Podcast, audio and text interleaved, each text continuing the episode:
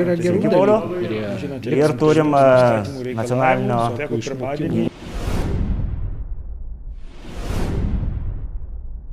Tai sveiki visi. Šiandien toliau tęsiam neredaguotą pokalbius ir šiandien turim svečią, kuris, e, kaip matėt, e, anonsuotas prieš savaitę, sulaukė pakankamai didelio dėmesio ir, ir, ir klausimų.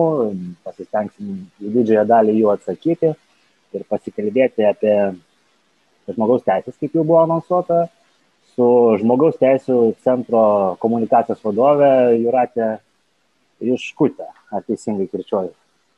Ne, Juratė Iškaitė. Juškaitė, a, va, teisingai. Nu, va. Gerai, tai Juratė Juškaitė. Tai laba diena, Juratė. Sveiki, gyvi. Tai kadangi ir jūs šiek tiek susipažinę su klausimais Facebook grupėje, tai nežinau, pradėkim gal nuo tokio bendresnio klausimo, kuris gal, o galbūt ne, pradėkim ne nuo bendresnio, pradėkim nuo to klausimo, kuris e, po to užstringa daugumai. E, Bet kai buvo klausimas apie jūsų išsilavinimą, tai tas ne, ir daugiau ten buvo klausimų apie jūsų kaip asmens e, tinkamumą, manau, kad e, į tai nesileisim, bet e, iš karto, kai atėjo šis klausimas, po kokios valandos aš gavau asmeninę žinutę iš vieno žmogaus, kuris man atsintė jūsų diplominį darbą. Tai jeigu jūs nieko prieš, aš anonsuosiu šitiem mūsų žiūrovam, kad e, visgi e, žmogus yra su įsilavinimu toje srityje, kur dirba ir matyti nelabai čia ką galima tai kišti. Tai Juratė Iškaitė yra pabaigus, kaip aš suprantu, Centrinė Europos, e, Centrinės Europos universitete e, studijas e, lyčių departamente, jeigu aš neklystu. Ir, ir, ir parašė darbą Transgender People in Lithuania or Ethno- Ethnography of Illegal Community.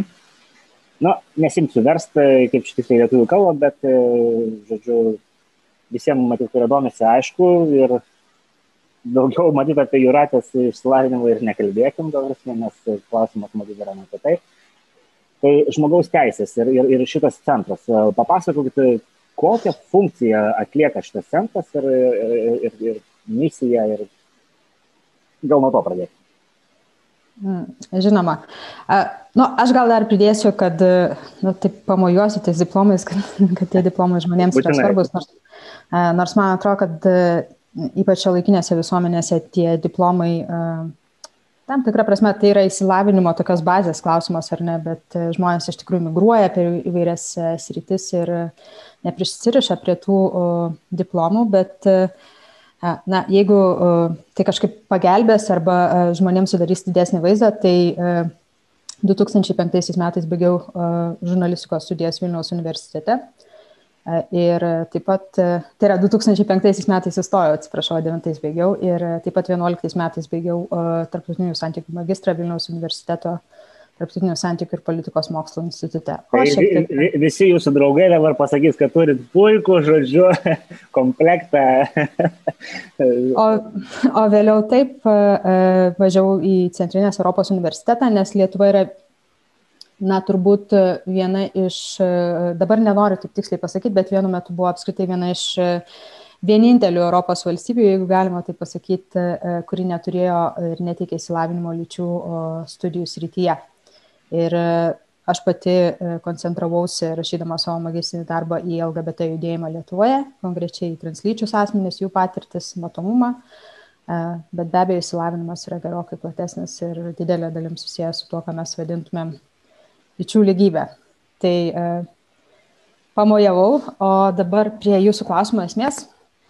Tai irgi toks na gal nežinau, atkaltas arba bent jau daug kartų atkartotas dalykas, kad Lietuvos žmogaus teisų centras yra nevyriausybinė organizacija, įkurta 1994 metais ir e, kažkada netaip seniai teko e, vartyti tos senuosius dokumentus ir senuosius visuotinių susirinkimų e, protokolus ir panašius dokumentus. Tai e, tiesą pasakius, labai yra įdomu, kad tarp Lietuvos žmogaus teisų centro kuriejų, pavyzdžiui, buvo ir pane Abramėkienė, bet e, buvo ir Girvidas Doblys. Ir e, yra ir kitų tokių, na, sakykime, visuomeniai žinomų veikėjų. Ir e, centro e, na, direktorė yra buvusi ir Toma Birmontinė, kuri buvo vėliau Konstitucinio teismo teisėja. Ir, ir Edita Žiobienė, kuri tapo vaiko teisų kontrolierė, na ir kaip matome, Birutė Sabatausmėlė, kuri tapo lygių galimybių kontrolierė.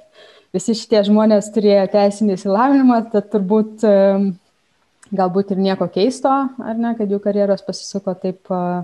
Nu, čia matyt pakankamai įprasta, bet tai vėlgi čia, jeigu mes atskirtume tą, žodžiu, transgender ar visą LGBT movementą, ar ten tai, kas yra vadinama identity politics, netgi ir pradininkai buvo teisininkai, tai čia matyt susisiejantis dalykai. E, taip, bet e, susiaurinti iki identity politics e, centro veiklų aš nenorėčiau ir tam turiu neblogų priežasčių, kad na, 90 kažkėlintaisiais iki 2000 maždaug na, ketvirtų metų, kai Lietuva tapo ES nare, centras buvo aktyvus įstatindavystės, sakyčiau, taip formuotojas. Ir taip pat mokymų įvairiausių rengėjas. Ta prasme, kad Lietuva tikrai na, bandė išeiti iš, iš sovietinio modelio visomis prasmėmis, tiek civilinėje, tiek baudžiamoje, tiek kitose teisės rytise. Ir na, centro šiuo atveju teisininkai, mokymų vedėjai ir visa kita bandė aktyviai tame dalyvauti, prisidėjo prie, pavyzdžiui, mirties bausmės panaikinimo Lietuvoje ir aktyviai advokatavo. Lietuvai įstojus į Europos Sąjungą ir, sakykime, na, priartinus gerokai tos teisinius, sakykime, standartus prie europinių standartų, natūralu, kad didesnis dėmesys pradėjo, na, pakrypo į edukaciją, į kalbėjimą apie realų žmogaus teisų užtikrinimą. Tai viena, ar ne, kad mes turim, na, tam tikras normas, kurios yra surašytos įstatymuose, jas gali būti labai modernios ir, ir labai, na, atitikti trendus, bet e, realybė yra kitokia. Tai tą tarpą tarp realybės ir na, tos mūsų užsibrieštos kartelės e, teisinėje sistemoje, tai turbūt labiausiai centras šiuo metu ir bando atliepti, kad ir organizuodamas e, žmogaus teisų festivalį nepatogus kinas, turėdamas portalą mano teisės LT, na ir kitais įrankiais ir kitomis veiklomis. Tai taip apibūdinčiau, ką centras veikia šiuo metu tai čia vat buvo toks klausimas iš vieno pakankamai visuomeniai žinomo marke, marketingo ir komunikacijos specialisto ir jis maždaug skambėjo taip, sutrumpinant jį viešoje erdvėje. Kokios trys e, centro, sakykime, taip, ginamos grupės e, dominuoja ir žmogaus teisų centro komunikacijai, kokios trys pagrindinės grupės dominuoja ir ar jos sutampa ar nesutampa. Čia matyt buvo vienas kabliukas klausimas. Mm.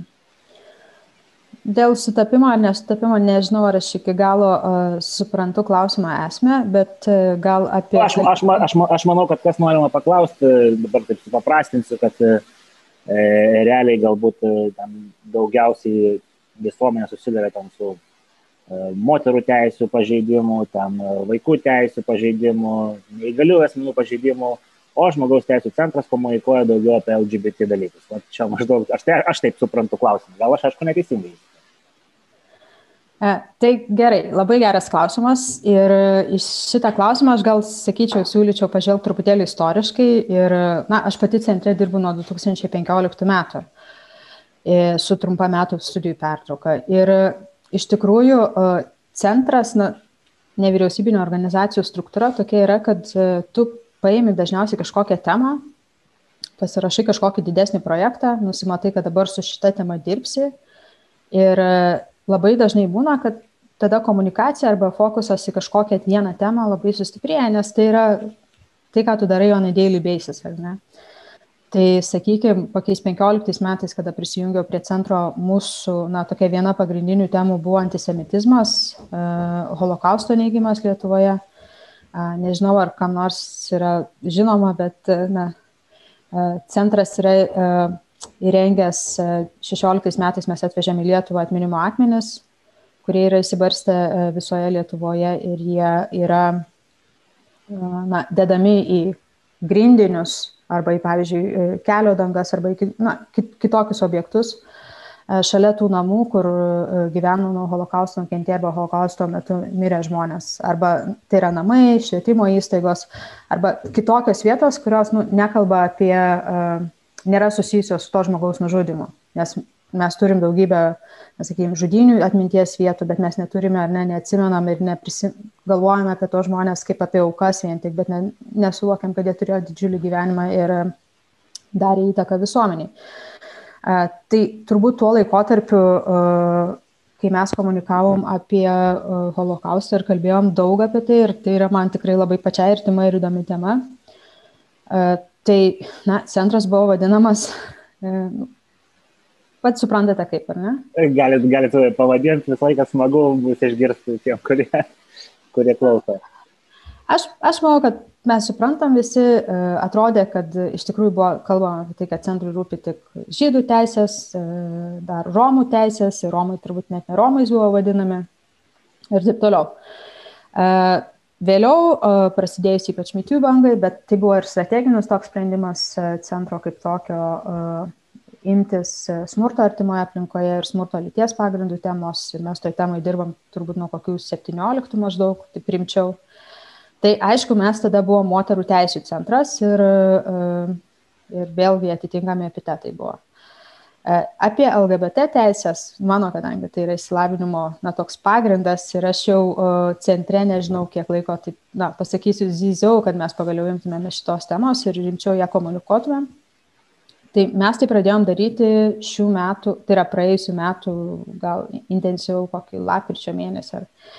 Ir, e, na, belieka pasidžiaugti, kad mes esame matomi, esame matomi šitoj temoje ir kad e, jeigu kažkokia ankstesnė komunikacija buvo labiau tokia savanoriška, e, stengiantis neatsilikti nuo, nuo, nuo žinių, nuo informacijos ir, ir būti toje temoje, tai dabar tai stengiamės daryti nuosekliau Ir aš tikrai labai džiaugiuosi, kad mes na, pavyksta tai padaryti. Nu, jūs dabar turit labai, labai rimtą konkurentą, tai Laisvės partija ir kai kurios jo narius, dėl to matyt daugiau girdisi jie negu, negu jūs. Tai praradot tokio e, bastiono, žodžiu, gal poziciją. E, nu, mato, to bastiono mes neturėjom, bet aš dėl vieno dalyko, tai aš esu įsižeidusi e, dėl LGBT temos tiek to, e, bet kažkada buvo pasakyta, kad mes lai, vykdom, nu, ten komentaruose gal skaičiu, kad mes vykdom Laisvės partijos agendą, nes kalbam apie Stambulo konvenciją. Ir tada jau man piktis kilo toks rimtas, nes, žinot, kai mes kalbėjome apie Stambulo konvenciją, Laisvės partijos dar nebuvo. nebuvo. Tai, ta prasme, patinka, kam nepatinka, bet stambu, apie Stambulo konvenciją mes kalbėjom gerokai anksčiau ir tai yra mūsų agendos dalis ir džiaugiuosi, kad tai um, perskelia į tam tikrų politinių partijų agendų dalį taip pat. Tai, kaip suprantu, šit, šitam klausime statistikos kažkos e, nepateiksim, bet e, jūs ką tik paaiškinot, kaip dirba nevyriausybinės organizacijos ir visiems, kurie, kurie, kurie išvelgia netitikimus e, tarp komunikacijos viešojo erdvėje ir komunikacijos iš centro, matyt, yra aišku, kad e, centras neprivalo atliepti kažkokios komunikacijos, kur yra viešojo erdvėje, jis formuoja savo, savo uždavinius. Ir... Aš gal dar galiu pridėti, kad e, aš suprantu tą klausimą apie, apie temų įvairovę, bet mm, realybė yra tokia, kad mes turim rinktis, nes mes neturim tiek resursų, mes neturim tiek žmonių, mes turim galvoti, kokią temą pasirinkti ir paprastai mūsų pasirinkimo klausimas nulėmė labai dažnai ir temos kontroversiškumas, nežinojimas informacijos apie tai stoka ir na, mes einame į tas temas, kurios nėra mėgstamos ir tai yra, mes matom tai kaip savo užduotį. Kita vertus, e, organizuodami nepatogų kiną, nepatogiam kine, jūs nu, tikrai turbūt, aš nežinau, kokios žmogaus teisų temos nebuvo atlieptos ir apie jas nebuvo kalbėta. Festivalį kiekvienais metais parodom apie 50 filmų, kurie yra apie pačias pačias įvairiausias temas ir tikrai e, programos sudarytojai, kai sudarinėja tą programą, visada žiūri, kad būtų kuo didesnė įvairovė, bet nu, natūralu, kad mes visų tų temų negalim perkelti kasdienę žmogaus teisų centro veiklą, nes turbūt ji turėtų būti tokio dydžio ir su tokiu biudžetu ir su tokiam apimtim, kaip nu, turbūt kažkur iš Lietuvos Respublikos ministerijų. Jo, tai dar apie biudžetą bus klausimas, bet vienas iš, iš, iš, iš klausimų buvo toks uh, suktas, pavadinkim taip, kad, nežinau, apie, nu, žodžiu, pabandom jį. pašnekovas, pašnekovas, žiūrovas klausia, kad centras turėtų būti prieš valdžios ribojimus į žodžio laisvę ir saviraišką, o matyti išvelgia, kad jūs už žodžio laisvės ribojimus ir saviraiškos ribojimus. Kaip čia dabar yra, kad jūs ribojat saviraišką? Mm. E, nu, tai jeigu atsiversim Lietuvos Respublikos konstituciją, tai e, vienas straipsnis, e, na, galiu dabar, turbūt neverta persijunginėti ir cituoti žodžių žodį. Neverta tikrai. Bet, e, bet konstitucija sako, ar ne, kad mes turim galimybę teisę į saviraišką, ji neturi būti kažkaip varžoma, neturi būti sudaromos kliūtis skleisti, dalintis, gauti informaciją. Ir tai yra konstitucinis principas. Bet ta pati konstitucija aiškiai pasako, kad konstitucija saugo žmogaus orumą, privatumą ir taip pat konstitucija na, draudžia ar ne tokios informacijos, kuria būtų skatinama diskriminacija arba niekinamos vienokios arba kitokios grupės platinimą. Tai dabar klausimas, kaip mes na, atrandam tą vidurį ir pastaruoju metu atrodo tokia viešojo erdvėje susiformavusi diskusija, kuri na, perskaito vieno konstitucijos straipsnį, bet neperskaito kito.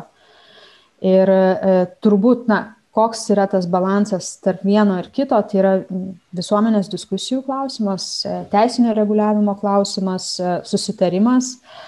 Ar mes einam tuo keliu, kad na, pas mus galima, galima viskas ir, ir tada turbūt na, kurstimas ne tik seksualinės orientacijos ar lytinės tapatybės pagrindų, bet kurstimas ir, pavyzdžiui, religijos pagrindų, socialinės padėties pagrindų, E, kaip mes na, įsivaizduojam, kad e, viešoje erdvėje, pavyzdžiui, jeigu būtų skatinama kokia nors eugeni, eugenikos diskursija, ne, skatinama susidoroti su tam tikromis visuomenės grupėmis, kaip pavyzdžiui, jos yra na, nevertingos dėl kažkokių ten, nežinau, fiziologinių, pavyzdžiui, susigalvotų priežasčių ir taip toliau.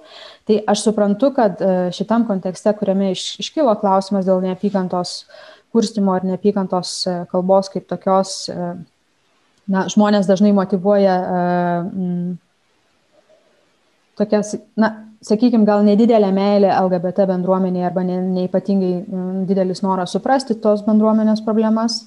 Uh, bet uh, turbūt reikėtų šitą klausimą tiesiog, jeigu jūs ištrauktumėte iš konkrečiai šito konteksto ir perkeltumėte į kitus kontekstus, su kuriais jūs pats tapatinatės, ar jums atrodo tikrai viskas tvarkoj, na, vadovautis tik vieną iš konstitucijoje įvardintų dalių, tai kad yra mes turim teisę laisvai ir skleisti informaciją, kad ir kokia jį būtų.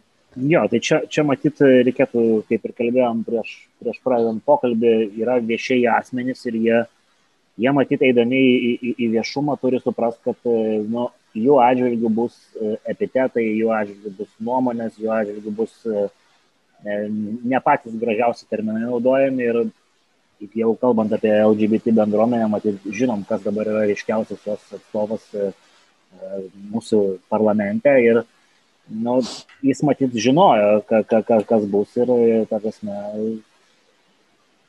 kaip ir, kaip ir neturėtų labai įsižeisti, nes mes žinom, kad panašiai yra ko neveikiami ir kiti. Tarkim, būtų galima čia palyginti, kuo skiriasi kokia nors Raskevičiaus ar Gražulio nesimpatikų, žodžiu, išsakomos mintis. Matyt, nedaug ko skiriasi. Ir vieni ir kiti, kurie nemėgsta mano minėtos asmenybių, jas su, suplaka su, su, su, su, su šūdu.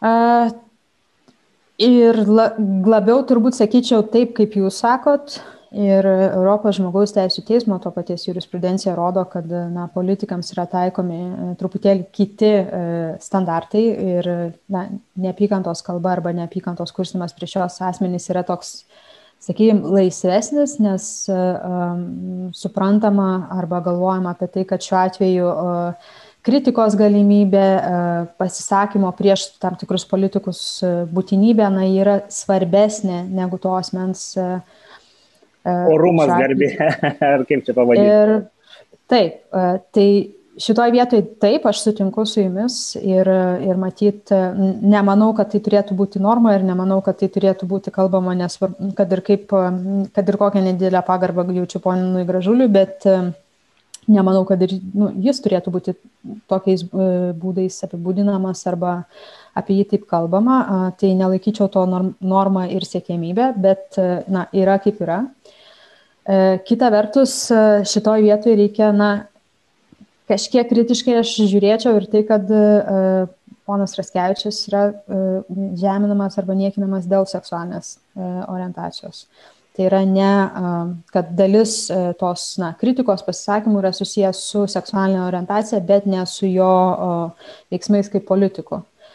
Ir čia jau atsiranda na, problematiškumas šito klausimo, čia jau atsiranda klausimas dėl jo kaip asmens lygiateisiškumo, ar homoseksualūs asmenys na, gali būti politikais, ar seksualinė orientacija, pavyzdžiui, tam tikra vienokia arba kitokia seksualinė orientacija reiškia, kad žmogus negali būti uh, žmogaus teisų komiteto pirmininkas. Ir jeigu perskaitytumėm tą peticiją, kuri buvo platinama prieš jį, nu, ten buvo dalis na, dalykų, kuriuos turbūt galima būtų įvardinti kritika, nepasitenkinimu ir turbūt tikrai viskas yra su, su tuo tvarkoj, bet dalis, na, dalį teiginių turbūt būtų galima laikyti jo nekompetenciją sie, sieti su seksualinė orientacija. Ir gal ne tiek, čia, čia, gal, ne, gal ne tiek nekompetencija, čia matyti e, šališkumą kitų žmogaus teisų, ta prasme, kontekste, gal tą norėjo pabrėžti. Aš aišku, ne, nevertinu tam tos deklaracijos, bet šališkumas. Tai, Tai, tai yra nu, klasikinė diskriminacija, nes šiuo atveju ar mes, e, ar heteroseksualus, asmen, heteroseksualus asmuo e, yra laikomas nešališka. Ar kvalifikacija homo, homoseksualus, e, homoseksuali orientacija ar heteroseksuali orientacija apibrėžia kvalifikaciją. Jo, bet aš čia noriu biškai pašaržuoti. Matyt, mažai tektų išgirsti uh, heteroseksualių asmenų save įvardinančių kaip e, profesionalus heteroseksualai. nu, ponas Raskevičius pats biškai provokuoja, truputį provokuoja šitą, ta prasme, pilą žybalo į ugnį. Ar jūs taip negalvojate? E, nežinau, čia turbūt eitumėm į, į politikų vertinimus ir, ir jų pasisakymų vertinimus. Gal į politikavimą aš veltis nenoriu, aš tik reaguoju tai, kad tame konkrečiam dokumente buvo ar ne na, tokia sąsaja, kad na, homoseksualus asmuo negali būti komiteto pirmininkas. Tai šita sąsaja man yra nepriimtina, e, aš manau, kad tai yra absoliučiai diskriminacinė. O kas ką sako apie e, Tomą Vytautą Raskevičių, kas kam patinka, nepatinka, ką jis yra pats pasakęs apie profesionalus gėjus, tai nu, tikrai tai yra ne, ne mano kompetencija. Matyti, Gerai, pa, pa, pasukim gal nuo, nuo Raskevičios asmenybės klausimus kitą linkmę, nes jo, aptarinėt matyti šitą reikėtų jo pačiu. E, buvo toks klausimas, koks, aplamai, gal pradėkime nuo to, ar, ar į žmogaus teisų centrą kreipiasi žmonės su, su kažkokiais nusiskundimais, ar kažkokia informacija, ar, ar tokius skundus jūs gaunate?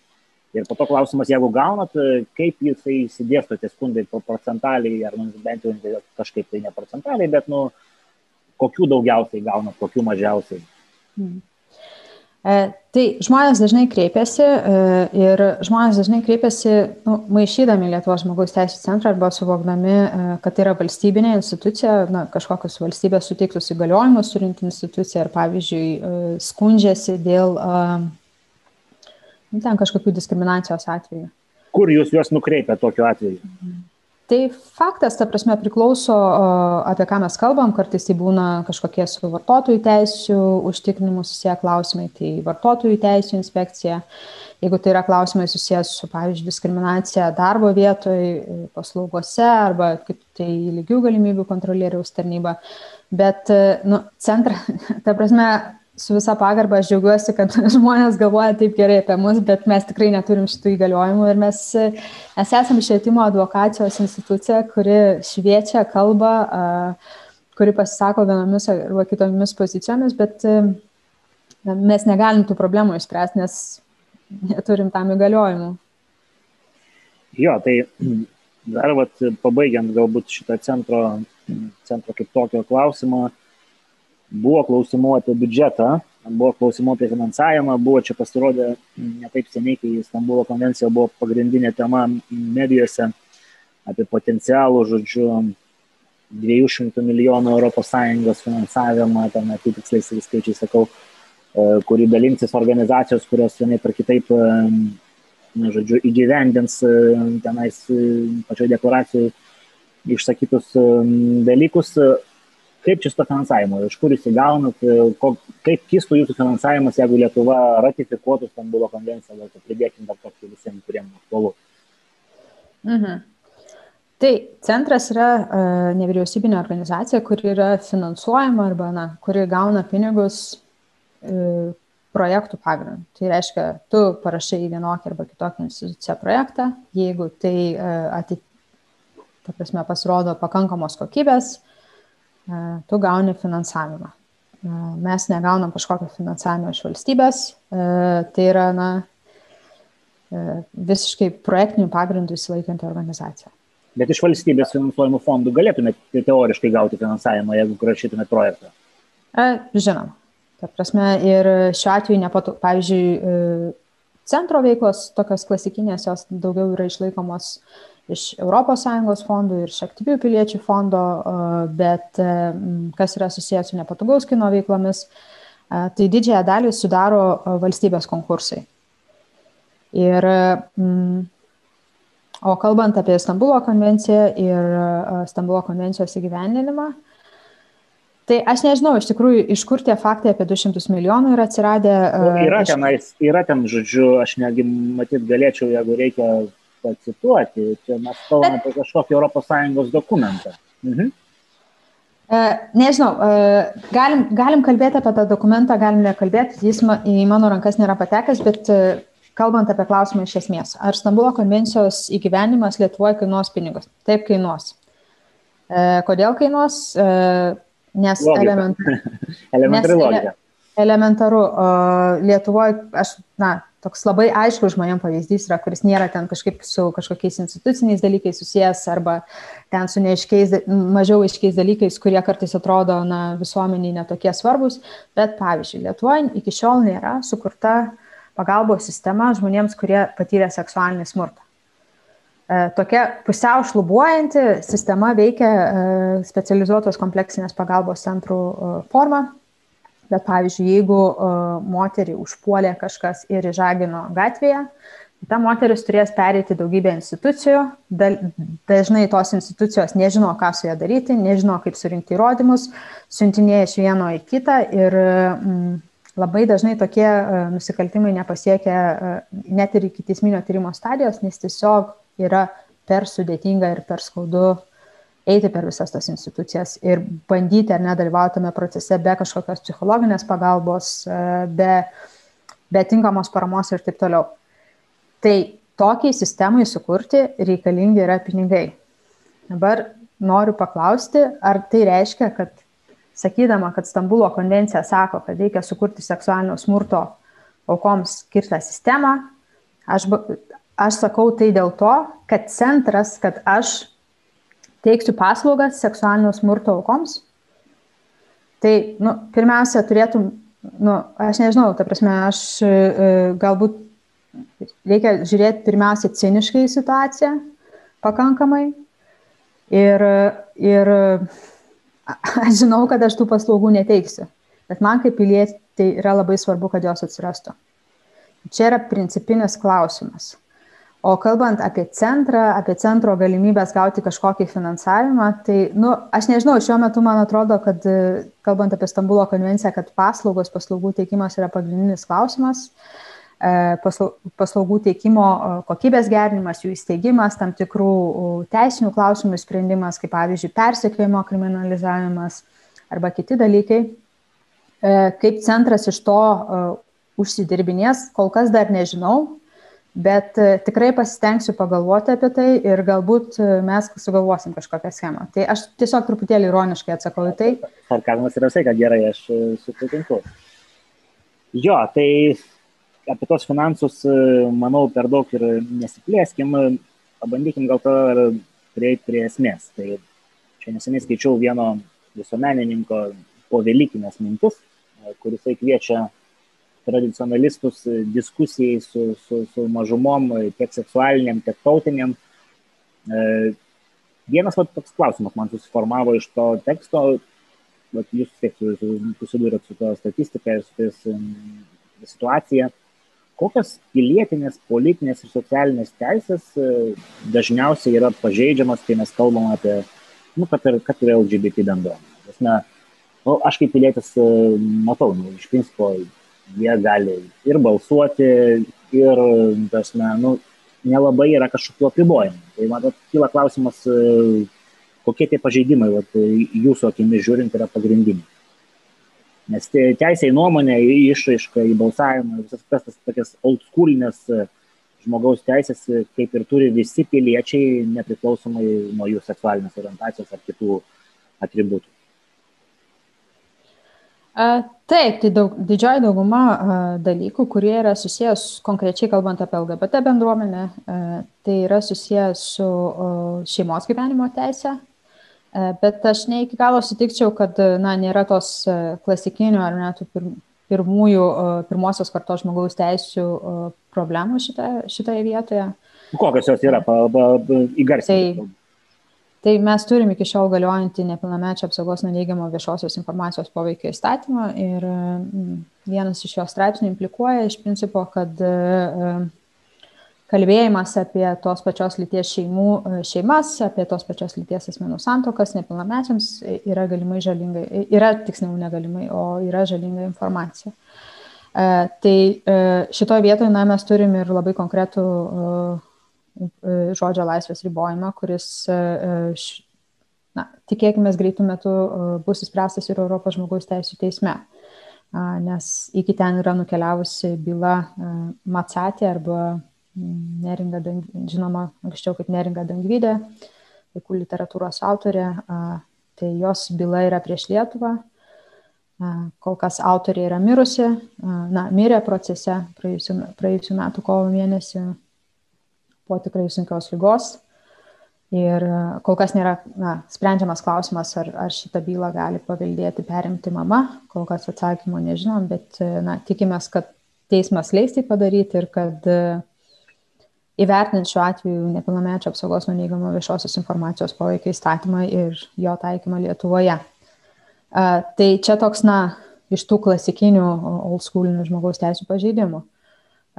O kalbant apie kitas teisės, tai turbūt pagrindiniai klausimai yra ties, didžioji dalis tiksliau klausimų yra susijęs su šeimos gyvenimu, tai yra su galimybė sudaryti partnerystę, santoką arba kažkok, e, kažkokį, na, turbūt kitų variantų ir nebūtų, bet formalizuoti santykius ir gauti. Var, variantų ten yra pateikę apie visokius e, UAB institutus e, šaržuojant ir panašiai. Tai... Taip, tai galima be abejo daryti tuos uabus, bet kita vertus, tas, ta pati, tas pats konstitucinis teismas yra pasakęs, ar ne, kad šeimos savoka konstitucijoje priešingai negu santokos savoka. Bet šeimos savoka konstitucijoje yra, yra lyčiai neutrali ir šeima yra laikoma ne tik na, vyras ir žmona susituokę, kas buvo, ką buvo galima, tai yra bandoma daryti arba bandoma apibriežti 2009-2010 metais vykusiose e, diskusijose dėl šeimos koncepcijos. Tačiau, kad, tai, e, kad šeimą sudaro ir vieniši asmenys, kad šeimą sudaro ir kitokiais giminystės ryšiais susiję, susiję žmonės. Ir e, taip pat, na, iš 20 turbūt pradžioje buvęs Konstitucijos teismo sprendimas implikuoja, kad šeimos savoka yra lyčiai neutrali. Uh, Tai žinoma, mes galim tuos suabus sudarinėti, na, mes galim apsimesti, e, kad dramblio kambaryje nėra, mes galim kalbėti, kad homoseksualūs asmenys e, arba biseksualūs arba kiti asmenys, kurie norėtų sudaryti, e, kurie norėtų formalizuoti savo turimas tos pačios lyties šeimas, turi visas teisės kaip heteroseksualūs asmenys, bet turbūt nu, tai, kad jūs, sakykime, taip, na, gal šaržuojančiai irgi pasakysiu, taip, kad tai, kad jūs Ganoje būtumėt milijonierius, bet Lietuvoje nesat milijonierius, jums turbūt neskauda, ar ne? Jums e, svarbu tai, ką jūs, na, ką jūs galite savo valstybei padaryti ir e, kokias teisės valstybė suteikia jums kaip asmenį. Jo, čia paminėjot e, nepilnamečius, yra tas irgi čia vienas iš Laisvės partijos iniciatyvų, vat, užduosiu gal taip klausimą lyties keitimas ir nepilnamečių galimybė apsispręsti. Nes vat, ne tik mes, matyt, visom pasaulyje ir civilizuotam pasaulyje, ir Europoje, ir Amerikoje, tam tikro amžiaus žmonėms yra neparduodami vaistai kažkokie, alkoholis, tabakas. Klausimas mums yra labai paprastas. Ar gali nepilnametis apsispręsti dėl savo lyties nuo ankstyvoj paauglystėje? Čia toks nu, diskusinis klausimas, matyt, suaugęs žmogus, tai čia jau turi visas teisės, kaip, kaip nepilnamečius. Ar, ar čia nėra per lengta lasdalis? Tai pirmiausia, kalbant apie Laisvės partijos e, galimą arba teikiamą tą įstatymą, tai aš norėčiau pamatyti to įstatymo projektą, nes aš tik žiniasklaidai mačiau kažkokias antraštės, kad bus leidžiama nepilnamečiams e, e, kažką daryti ir, ir visiškai neaišku, kas tai yra.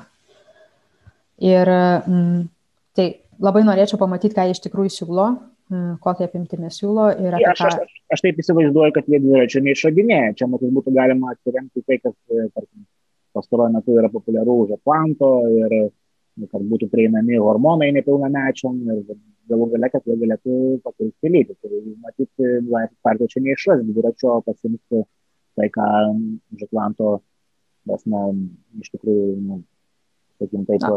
Palaiko tokie politikai kaip EUC, žodžiu, ar, ar, kiti ten progresyvai iš demokratų partijų. Aš taip manau. Hmm. Hmm.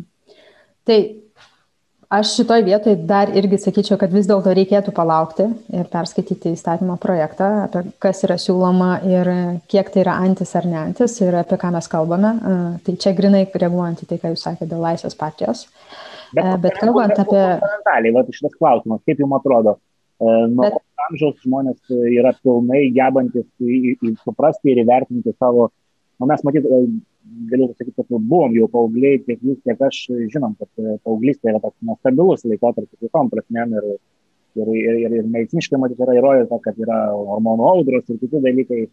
Tai atsiranda klausimų, kiek, kiek galima tam paaugliui leisti spręsti.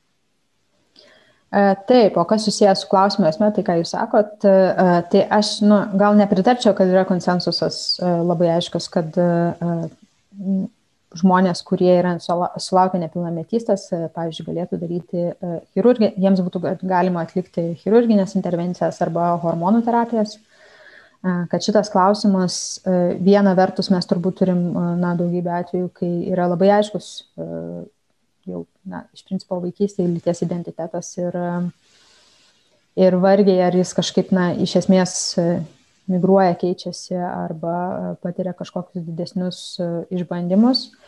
E, kita vertus, e, e, ar tai reiškia, kad na, galima taikyti tokiems asmenims hormonų terapijas arba chirurginės intervencijas tais atvejais, kai žmonės nori. Tai čia turbūt yra dar tikrai ilgos ir besitisinčios diskusijos klausimas ir turbūt ne paskutinį vaidmenį tokiais atvejais turėtų vaidinti tėvai, E, kurie turėtų vertinti, suprasti ar ne savo vaikų brandos lygį. Tai turėtų būti susiję ir su išoriniu vertinimu, galbūt su psichologais ir, ir kitais specialistais, e, kurie na, galėtų sakyti, kad yra kažkoks stabilizavisis ar ne lyties identitetas. Bet tikrai nesutikčiau, kad tai yra lab, konsensuso prieitas klausimas kad, ir kad visiems šito, šitoje vietoje yra viskas labai aišku, labai paprasta ir, ir kad aš pati, pavyzdžiui, neturiu dviejonių arba man pačiai viskas e, atrodo easy peasy. Tai yra nu, tikrai sudėtingas klausimas susijęs su žmogaus raida ir čia paprastu atsakymu tikrai negali būti ir mes turim diskutuoti ir turim žiūrėti na, į mokslinius tyrimus ir tai, ką sako tai, ką atranda, tai, ką sako mokslininkai ir, ir tų tyrimų turėtų būti kuo daugiau ir mes turėtume remtis būtent jais, o ne kažkokiais savo įsitikinimais, nes su, tai yra tiesiog, man atrodo, sudėtingas klausimas. Šitoje vietoje tai aš negaliu atsakyti irgi pilnai. Gerai, kadangi jau išskyrėm, kad yra pirmos kartos, antros kartos žmogaus teisės, tai čia yra vienas klausimas, kurį galbūt aš dar biškai sumiksuosiu su, su, su, su, su kontekstu. Mm, klausimas maždaug būtų toks. E, kokiamis žmogaus teisų deklaracijos, čia mums kalba eina apie tą 48 metų žmogaus teisų deklaraciją, yra pagrystas reikalavimas e, šeiminių santykių na, įforminimui, sakykim, taip, tarp LGBT bendruomenės narių. Ar, ar galima į kažką iš tų kulinių teisų atsiremti, ar čia mes turim kalbėti apie kažkokias postmodernes žmogaus teisės? E, na, tai pagrindinis dokumentas, kai mes kalbam apie praktiškai turbūt visas teisės, e, kurios yra mūsų regione ir tai remiamės į Europos tarybos e, žmogaus teisų konvenciją, sutrumpintai. Ir ta, tai yra ta konvencija, kuri na, nubrėžia tokius pagrindinius, svarbiausius žmogaus teisų principus mūsų regione ir taip pat tai yra ta pati konvencija, pagal kurią veikia Europos žmogaus teisų teismas. Ir vienas iš tų konvencijos straipsnių, nesu teisininkė ir reikėtų vėlgi atsiversti ir atmintinai nežinau, kalba apie teisę į privatumą. Tai, tai yra vienas iš pagrindų, Tai yra privataus gyvenimo apsauga, kad valstybės privalo apsaugoti kiekvieno asmens gyveni, e, privatų gyvenimą. Tai yra vienas iš pagrindų, o, iš ko kyla na, valstybių o, tokie, nesakyčiau, kad tai yra toks, na, primiktinis dalykas, kol kas, žvelgiant į Europos žmogaus teisų teismo jurisprudenciją, bet besiformuojantis a, toks na, ne, ne imperatyvas turbūt, bet besiformuojanti tendencija, kad valstybės turi apsaugoti tos pačios lyties asmenų santykius, e, še, šeiminius santykius. Tai žodžiu, čia remiamas ne, ne žmogaus teisų deklaracija, o Europos tarybos žmogaus teisų konvencija. Taip? Taip, e, taip tai visuotinė žmogaus teisų deklaracija be abejo yra svarbus dokumentas, jis na, toks bendresnis, bet praėjus e, visuotiniai, ta prasme, po visuotinės žmogaus teisų deklaracijos buvo priimta daugybė kitų dokumentų, kurie yra susiję e, su moterų apsauga, su ekonominiu, kultūriniu teisų apsauga ir taip toliau. Ir na, natūralu, kad visuotinė žmogaus teisų deklaracija turbūt 48 e, metais, na, gal ji ne visai galėjo atspindėti ne, 2021 metų realijas. Jo, tai dar yra toks klausimas, kuris čia matyti irgi į temą bus va šitoje vietoje yra, yra statistika, yra apklausos Lietuvoje ir matyt iš to plauktų toks klausimas. Žmogaus teisės e, e, prieš visuomenės teisės. Tasme. Ir, ir čia tokį pavyzdį davė klausiantysis. Kaip jaustis aukai arba visuomeniai, kai anksčiau laiko yra paleidžiamas kalinys iš, iš, iš, iš, iš kalėjimo. Tai čia matyt ir bandoma kažkaip tai suponuoti tokią mintį, kad nu, svarbu ne tiek, svarbu visos pusės. Tai kaip padim atrodo visuomenė, Lietuvos visuomenė, kuri statistika sako paskutinė, nu, sakykim, taip yra konservatyvesnė, kad tokia tradicinė šio žodžio prasme, negu, negu tos e, vakarų brandolio valstybės, kurias galbūt būtų galima teikti yra tas um, progresyvumo šaltiniai Europoje. Ar, ar, ar, ar galima Lietuvoje kažkaip tai užbėgti įvykiam už akių, nes, nu, taip, yra tokia nuomonė, kad kai jau visuomenė pribręsta, tada ir kažkaip tai įsiforminti. Pas mus toks vaizdas, kad pirmiausia norime įforminti, o po to dabrandinti visuomenę. Kaip jums atrodo? Nu, čia toks sudėtingas klausimas, nes taip, jeigu princip, iš principo eičiau ir iš principo sakyčiau, tai, nu, atrodo absurdas, ar ne, žmogaus teisės reguliuoti pagal visuomenės nuomonės apklausas. Nu, pavyzdžiui, jeigu visuomenė nuspręstų arba visuomenės nuomonės apklausos rodytų, kad e, dauguma žmonių pritarė, e, e, pavyzdžiui, mirties bausmiai.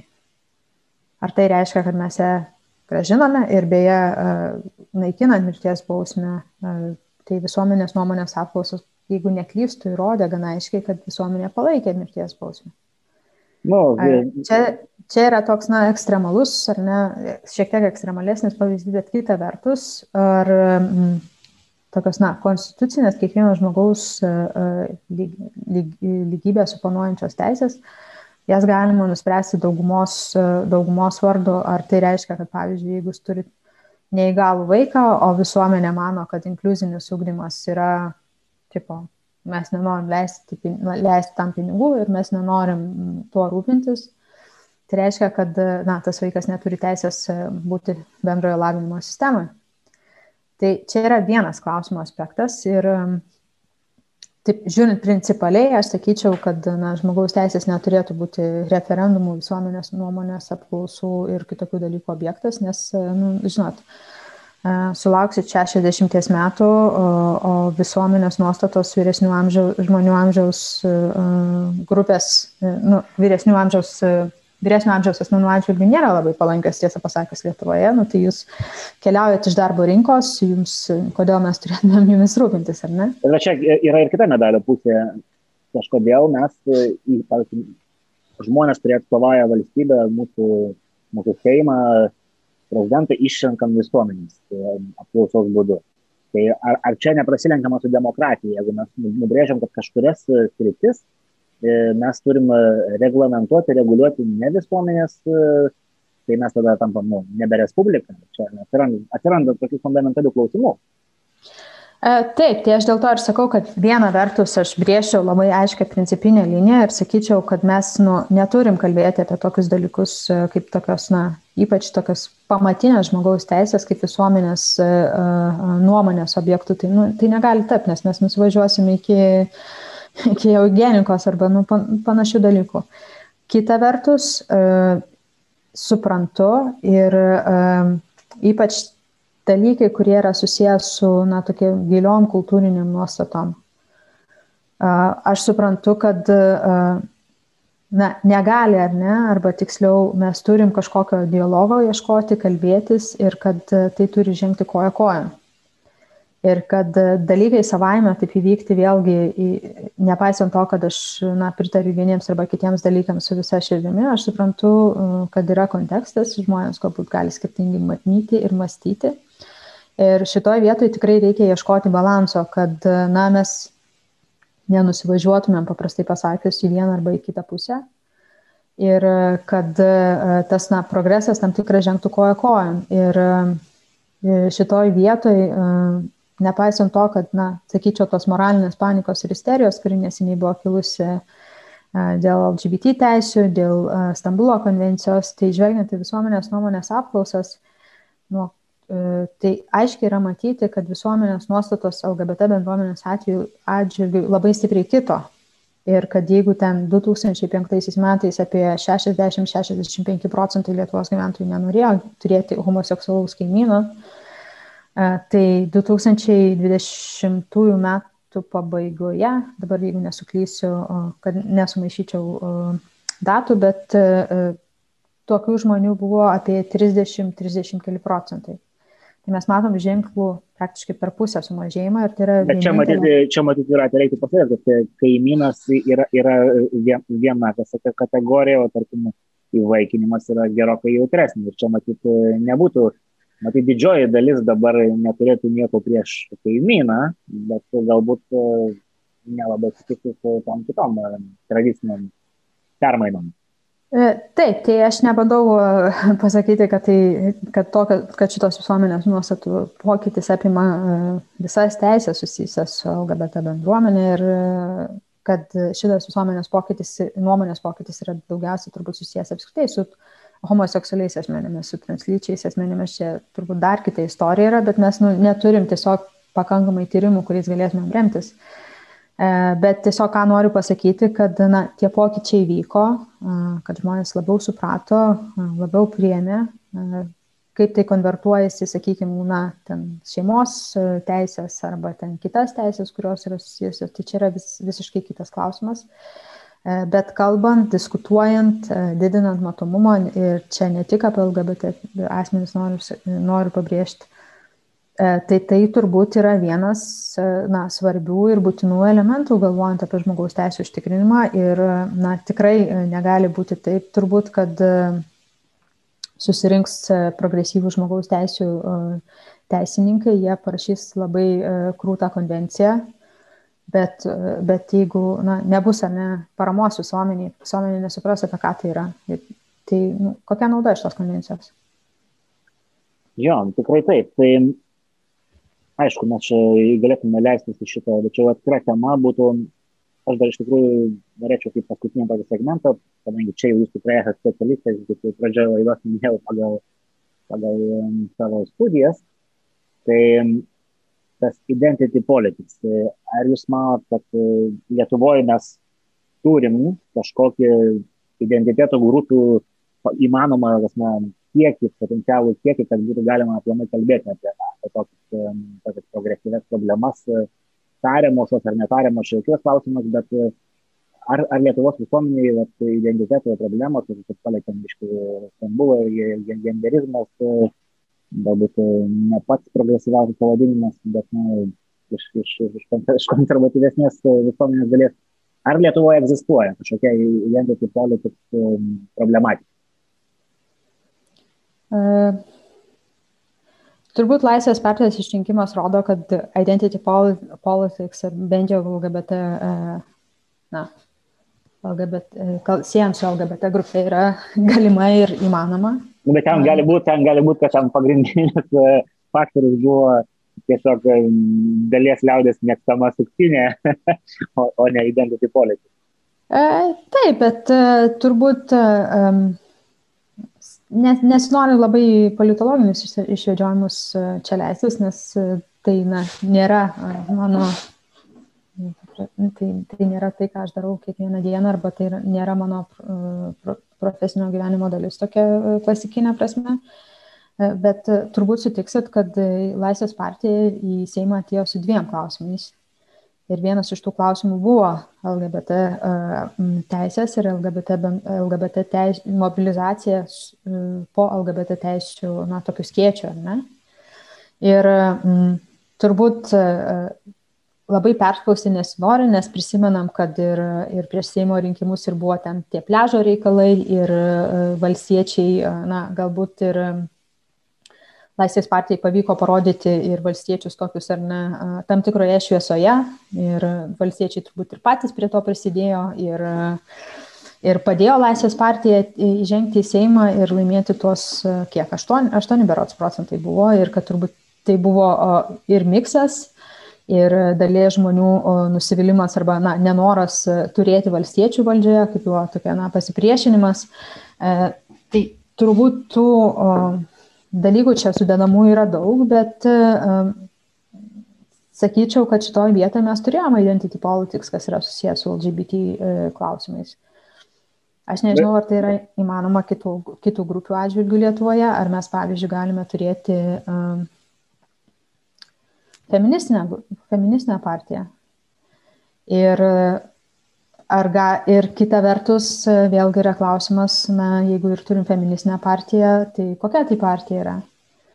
Nes feminizmas vėlgi turi daugybę krypčių ir, ir tokia, nu, ta klasikinė identity politics, ji e, gana yra tam tikrą prasme limituota, nes ji susikoncentruoja į kultūrinius, į kultūrinius vienos e, grupės, sakykime, diskriminacijos pagrindus, tačiau dažnai, e, na, pražiūri toje sankirtoje esančius dalykus e, kaip ir na, dažnai mažokai dėmesio kreipia į ekonominės neligybės ir ekonominių žmogaus teisų, ekonominių ir socialinių žmogaus teisų užtikrinimą. Tai e, sunku pasakyti, ar mes turėsim dar na, kitų identity politics, tokių išneštų į politiką arba, arba viešumoje esančių žmonių. Na, čia paminėjo tą sankirtą, aš lietuviškai gal čia matyt turėjau tą mintį intersectionality. Čia toks klausimas, peršas, aš vat, vakar vakare klausiau dar keletą lekcijų šitą klausimą. Ar nėra taip, kad tas ne, galutinis to sankirtos, žodžiu, ne tai, kad sankirtos, bet to, žodžiu, identiteto grupių dėmo visgi yra individas. Ir kad ar nėra taip, kad identiteto politika, nu, bando išrasti dviratį ir galų galia prieiti tos nuomonės, kad tiek individų, tiek, e, tiek tapatybių grupių ir kad e, realiai mes turėsim prasme, fragmentaciją, kuri ir taip yra individualumo pagrindu. E, taip, tai turbūt galim kalbėti apie e, tam tikras fragmentacijos, apie skirtingų grupių ar ne identifikavimąsi, labai tokį stiprų, aišku, mobilizavimąsi aplink savo identitetus ir uh, tas na, įsivaizduojamas bendruomenės ar ne, kuria, e, kuri yra ir na, tauta. Tai turbūt mes galim tos lygmenius e, labai skirtingus išvelgti ir um, ta identity politics, nu, ją kažkaip labai norima sėti tik su galbūt labai dažnai nepati, nepatinkančiam grupėm, ar ne, arba ten, sakykime, tom, kurios, na, jauti antipatiją. E, bet kita vertus, na, mes visi tą identity politics žaidžiam ir žaidžiam vėlgi sakau, tautinio identifikavimosi lygmenyje arba ten kažkokių, sakykime, etninių mažesnių grupių identifikavimosi lygmenyje ir taip toliau. Bet čia man esminis klausimas yra, ar fragmentacijos e, didinimas yra kažkaip tai visuomeniai naudingas dalykas, nes mums taip, jūs teisingai paminėjote, tauta ir yra grupė, tiesiog jeigu mes sufragmentuojam sociumą iki, iki visų karo prieš visus, ar neatsiranda problemų. Tai, nu, aš tada klausimą noriu perversti ir paklausti, ar fragmentavimasis e, nacionalinių lygmenių pasaulyje yra naudingas. tai, kad mes turim karus, e, susipriešinimus tarp, tarp skirtingų valstybių, bendruomenių, nu, jis yra naudingas, nu, turbūt Bet, ne.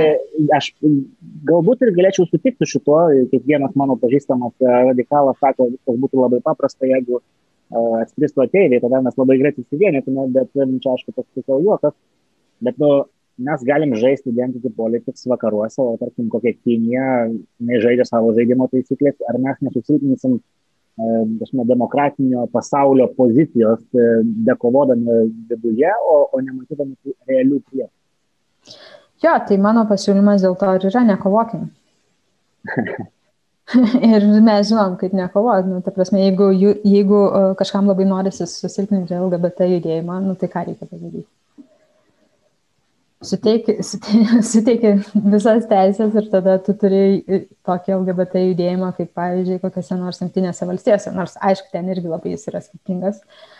E, mes kur... matome, kad jungtinėse valstijose matyt yra tikrai nemažiau problemų negu Lietuvoje, nors ten kai kurie identiteto klausimai yra tikrai geriau. Taip, bet, bet, jie yra, e, bet, jie, bet jūs sutikit, kad jeigu jūs nuvažiuosite į New Yorko Pride ir ten pamatysit pačių įvairiausių grupių tame, tame praeidė, įskaitant policininkus, įskaitant korporacijas, įskaitant visus kitus veikėjus, kurie, na, sakykime, tokioje klasikinėje identity politics mes, na, atsiribojam, ar ne, mes sakom, šitie yra priešai, šitie kenkia mums, šitie neleido įgyveninti mums e, savo teisų dėl tokių ir tokių priežasčių. E, tai tos skirtis, e, jos mažėja, nu, žvelgiant ir suprantant, kodėl tos skirtis pirmiausia atsirado ir kaltinti arba sakyti, kad jūs, nu, žinot, norit kažko, kažko norit ir formuojat savo grupę ir mobilizuojat, o davai jūs to nedarykit, nes nu, yra kažkoks nacionalinis interesas, bet tas nacionalinis interesas turėtų apimti ir tų grupių pripažinimą.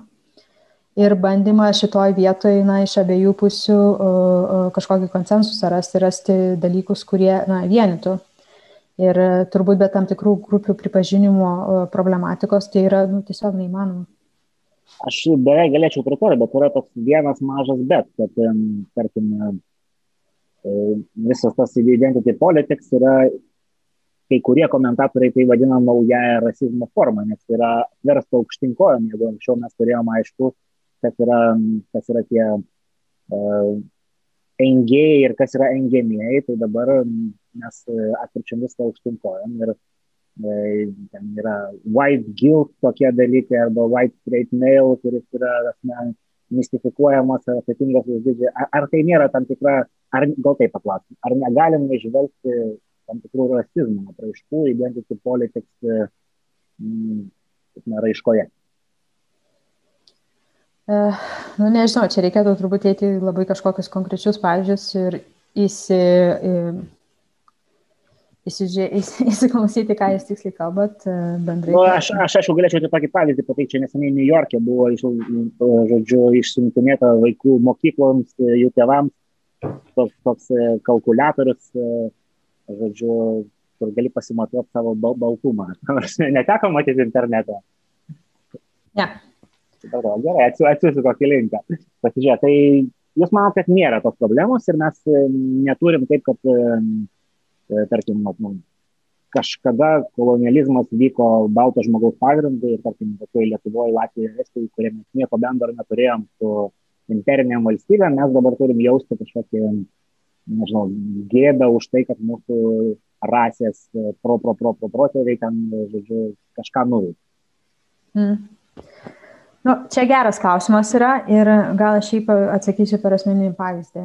Mhm. Ir uh, kodėl mes, uh, aš nebandau sakyti, kad mes turim jausti kaltę kažkokią arba kad uh, galvojimas apie rasę, apie uh, konstruktą, pirmiausiai pabrėšiu, kad tai yra konstruktas, tai nėra kažkokia socialinė, kad tai yra, nėra, nes, nes nelaikau aš to realybę, uh, kad jis turi būti uh, apmąstomas arba permastomas apie tai, kok, na, pri, kaip priklausimas vienai arba kitai grupiai, arba vienai arba e, priskiriamos vienos arba kultūr, kitos kultūrinės savybės, kokias privilegijas tau duoda. Ir šitoje vietoje aš atsimenu, kai gyvenau New York'e, iš tikrųjų buvo daugybė, daugybė skirtingų pavyzdžių, bet vienas toks, kuris man pačiai taip asmeniškai buvo šokiruojantis tam tikrą prasme. Mes, aš buvau metro stoteliai Aš gyvenau Jodaodžių žydų rajone.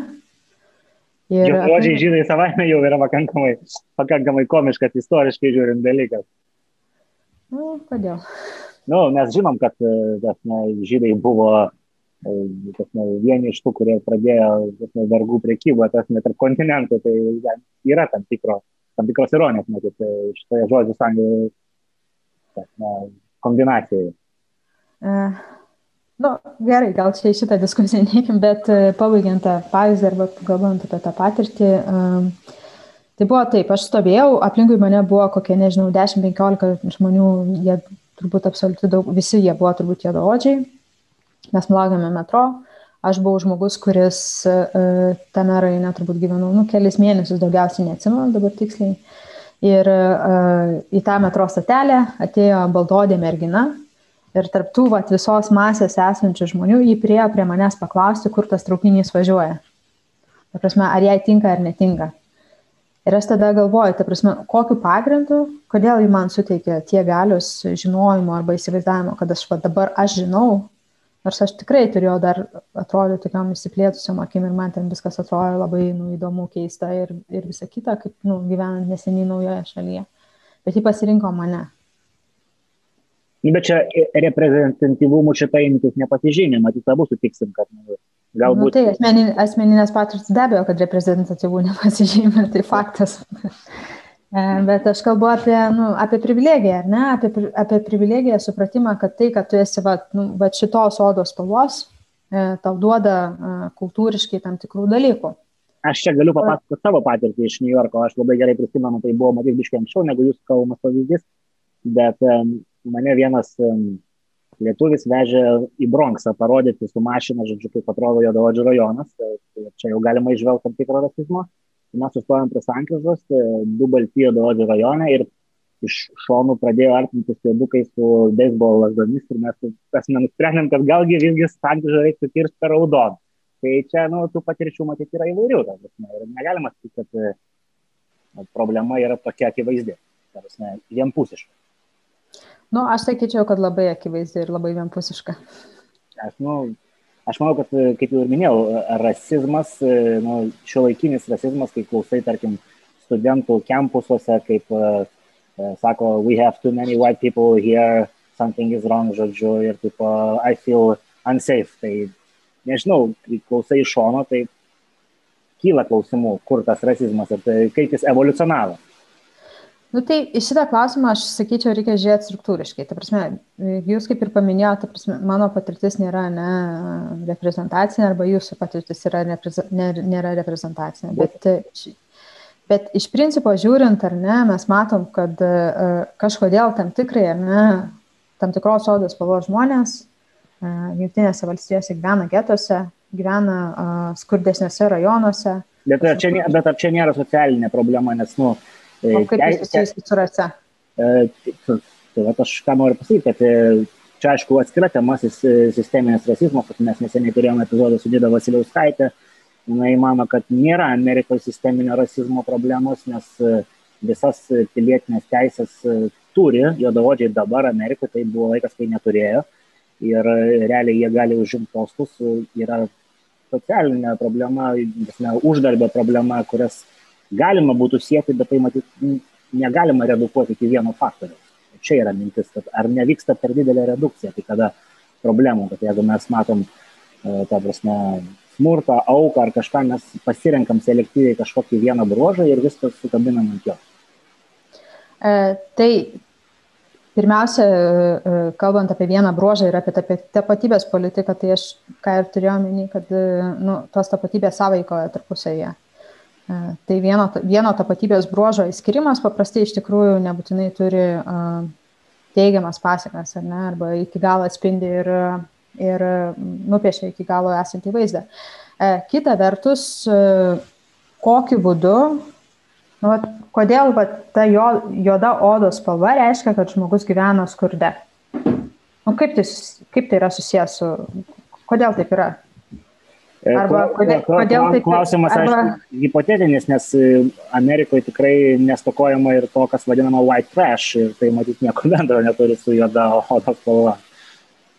Nu, arba kodėl uh, dabar reikėtų atsiversti statistiką, nu, ne, ne, nepagalvojau pasižiūrėti iš tikrųjų, bet kai buvo Black Lives Matter judėjimas, buvo, buvau susiradus statistiką, kuri rodė, kad uh, juodaodžių, juodaodžių jaunam vaikinui ne, nuo policijos uh, smurto nukentėti arba būti nušautam tikimybė yra lab, gerokai didesnė.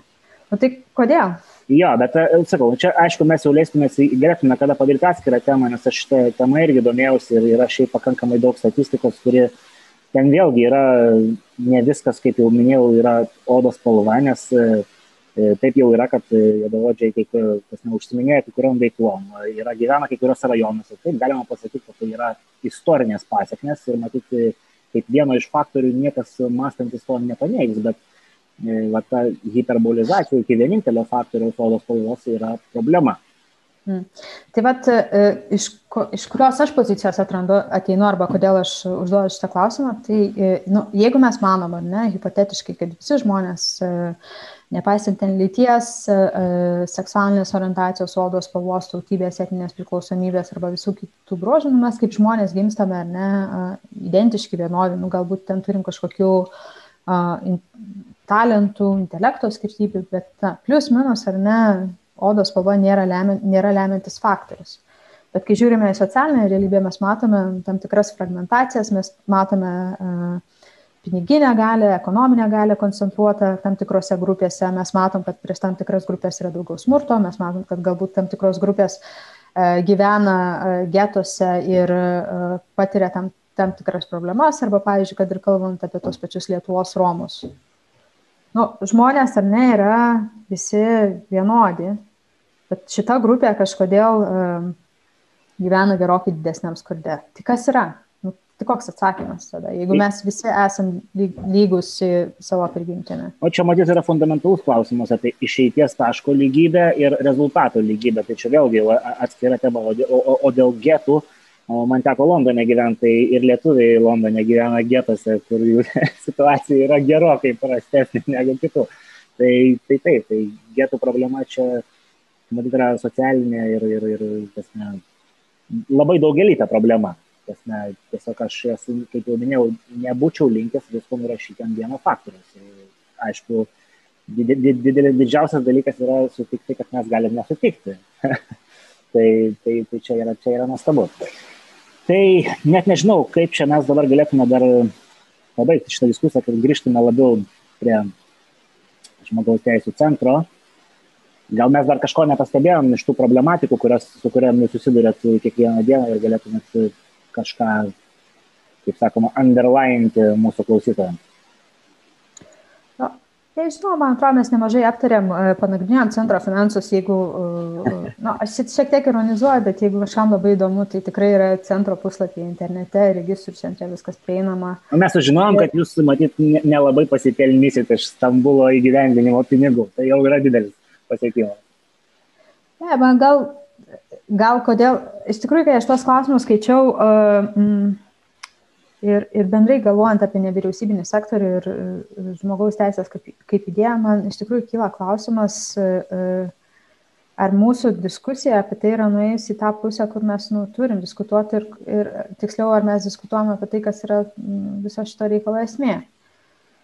Nes mes kažkaip įsivaizduojam, kad tos, vat, ne, tiksliau, yra galbūt dalis visuomenės, kurie įsivaizduoja, kad tie pinigai iš ES krenta kaip iš dangaus, kad vat, užtenka va, tai padaryti ir, ir visi čia mes atskestam tuose piniguose, kad, kad tai yra, nu, nu žodžiu, ES turi savo agendą kažkokią, kuri uh, niekaip nesusijusi su valstybės agenda, nors mes lyg tai ir esam kažkaip tos ES ar ne nariai ir mes kaip mes ir kažkaip lyg ir prisidedam prie tų bendrųjų principų nubrėžimo, biudžeto skirstimo, galvojimo, kokiam sitims reikia skirti ir taip toliau. Bet ta toks, nu, disociacija ir kažkoks tarsi nedalyvavimas ir pasakymas, kad tada kažkas vykdo tokią, nu, tarsi paslėptą agendą arba darbo atvarkę, nu, jis tiesiog keistokai skamba. Ir turbūt ir tada norisi dar iškelti ir tokį klausimą, kad, nu, kaip mes apskaitai įsivaizduojam nevyriausybinės organizacijas. Uh, nes vėlgi, sakau, kyla tų klausimų ar ne dėl to, kaip, kaip jos čia finansuojamos, iš kur jos atsirado, bet jos kažkaip kyla tie klausimai, kur, kai, kai tau ta organizacija nepatinka. Bet ar mes iki galo suprantam, kas, kas tos nevyriausybinės, kam mums jų reikia? Nu, lyg tai jau pradedam suprasti, kad, pavyzdžiui, tos nevyriausybinės organizacijos, kurios teikia paslaugas, nu, pavyzdžiui, ten, nežinau, rūpinasi kažkokiais seneliais arba dienos centrus organizuoja ir taip toliau, dažnai tas paslaugas teikia efektyviau negu valstybė tai daro ir valstybė tiesiog apsimoka nukreipti papkes ir iš jų pigiau nusipirkti paslaugas negu organizuoti visą sistemą ir tą sistemą išlaikyti ir motivuoti tas, toje sistemoje esančius žmonės, nes dažnai nevyriausybinės organizacijos būna arčiau bendruomenių ir jos nu, yra sumotivuotos, kad jos na, būtų, išliktų, ar ne. E, Tai šitą dalį kažkiek jau po truputėlį suprantam, bet iš tikrųjų yra klausimas, ar mums mm, yra ok, kad nu, mes praktiškai nekalbam apie nevyriausybinės organizacijas kaip advokacijos darytojas, ar ne? Ar mums yra ok, kad pavyzdžiui e, praėjusiais metais, 20 metais, kiek vyriausybė išskirstė milijardo įvairiausiams rytims? Ar mums yra ok, kad šitas nevyriausybinis sektorius yra super silpnas, kad nevyriausybiniam sektoriui dirbantys žmonės turi dirbti dažnai per kelis darbus, ką aš ir pati esu darius ne kartą. Ir kad tada ateina va, tokie didžiuliai sprendimai, kurie susiję su išteklių skirstimu, kurie susiję su žmogaus teisų užtikrinimu. Čia yra nu, daugybė, daugybė sričių. Ir kad nėra, kas atsiverčia vyriausybės dokumentus ir perskaito ir kritiškai vertina ir teikia pastabas ir bando atstovauti įvairioms visuomenės grupėms, Aišku, na, sakykime, turbūt pramoninkų konfederacija arba kitos su, verslu, na, su verslai susijusios organizacijos, tai jos net, na, neturi tų problemų, ar ne? Bet ar mums yra ok, kad mes neturim stiprių nevyriausybinio organizacijų, kurios atstovautų visuomenės interesų taip, kaip jos jį supranta.